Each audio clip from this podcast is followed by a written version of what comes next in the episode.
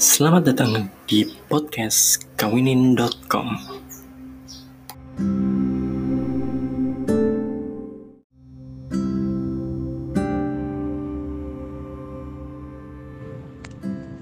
Assalamualaikum warahmatullahi wabarakatuh.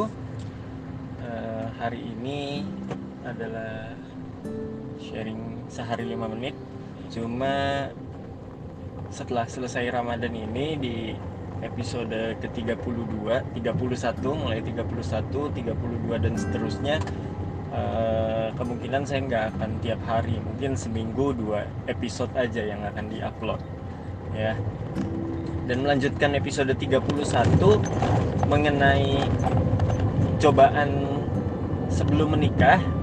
Jadi saya mau ngejelasin lagi konsepnya eh, nge-review dari yang sebelumnya di episode 31 bahwa eh, banyak orang-orang yang mendapatkan cobaan ujian sebelum menikah.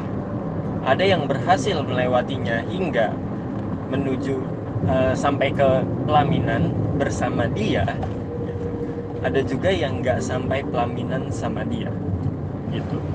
Nah, konsepnya adalah kalau kita paham bahwa segala sesuatu yang Allah berikan ke kita adalah yang terbaik, maka kita tidak perlu meragukan bahwa batal nikah pun adalah yang terbaik dari Allah. Mungkin Allah akan siapkan eh, pasangan yang lebih baik.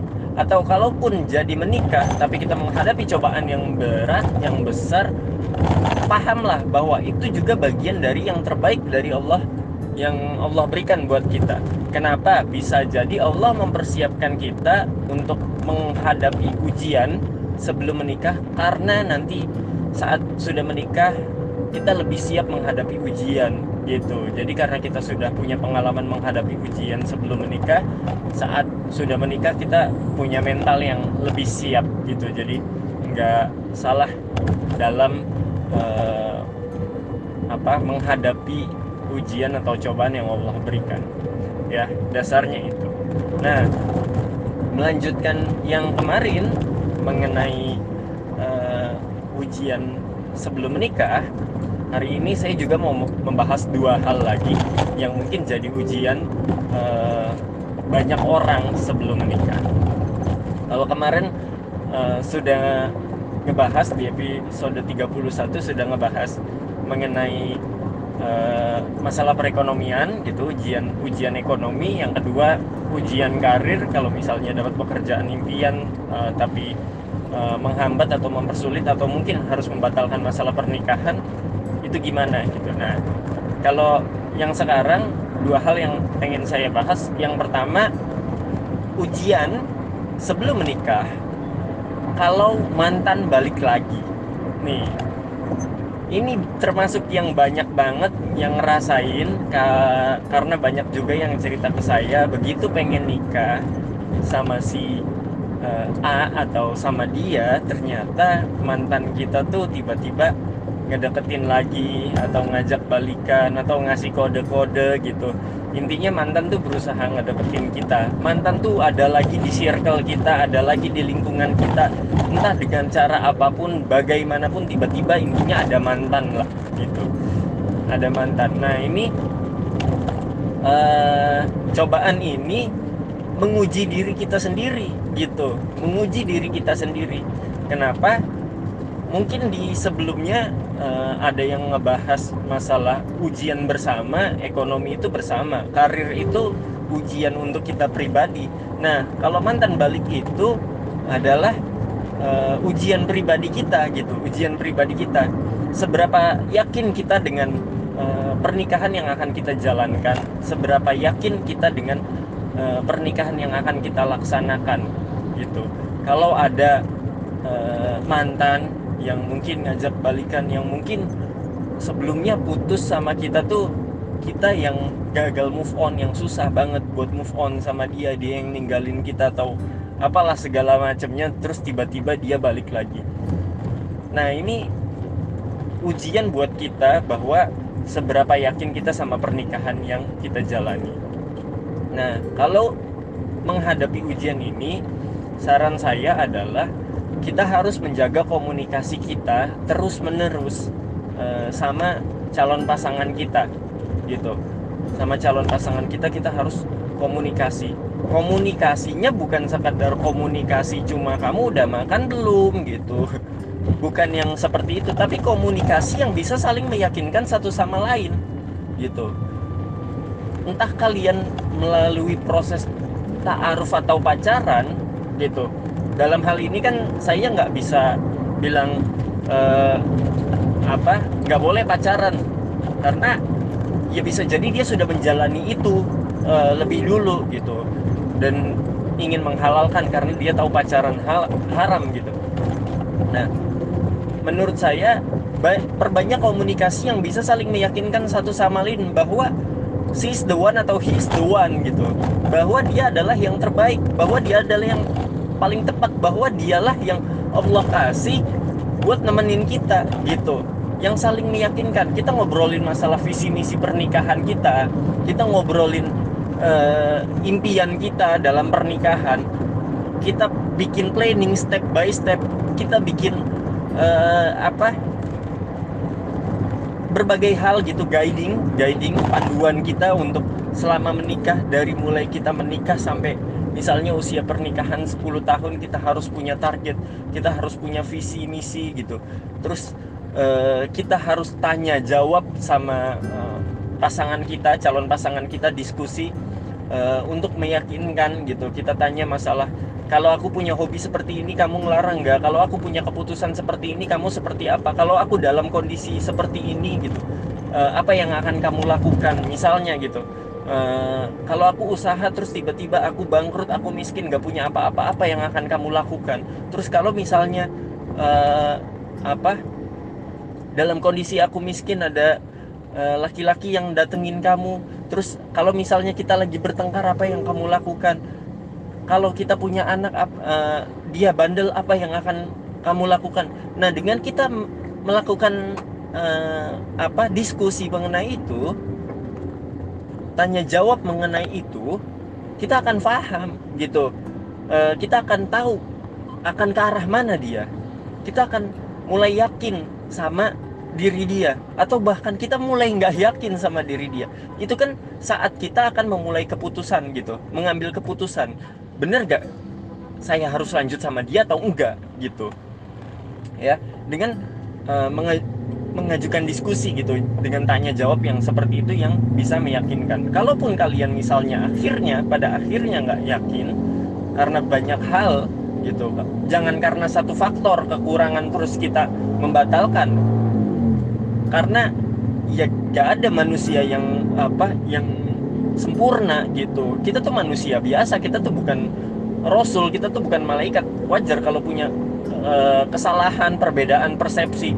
Tapi kalau itu bukan hal yang penting gitu bukan bukan bukan hal yang menjadi ideologis bagi kita kayak agama gitu uh, itu kita nggak berbeda gitu keyakinan keyakinan yang nggak berbeda. Jadi kita coba jalanin aja. Kalau menurut kita itu memang masih bisa dijalanin. Tapi kalau misalnya menurut kalian nggak bisa dijalanin mungkin uh, itu juga bagian dari jalan Allah uh, untuk stop deh jangan lanjutin sama dia karena dia ini seperti ini kamu akan dapat yang lebih baik nantinya. Misalnya seperti itu. Tapi kita tetap harus ikhtiar dulu jangan tiba-tiba nyari kesalahan ini itu ini itu untuk alasan kita membatalkan pernikahan terus balik sama mantan. Enggak enggak gitu juga. Kita tetap harus mengutamakan ikhtiar. Selanjutnya kita berserah sama Allah juga gitu. Berserah sama Allah bahwa ini benar gak nih uh, jodoh buat kita gitu?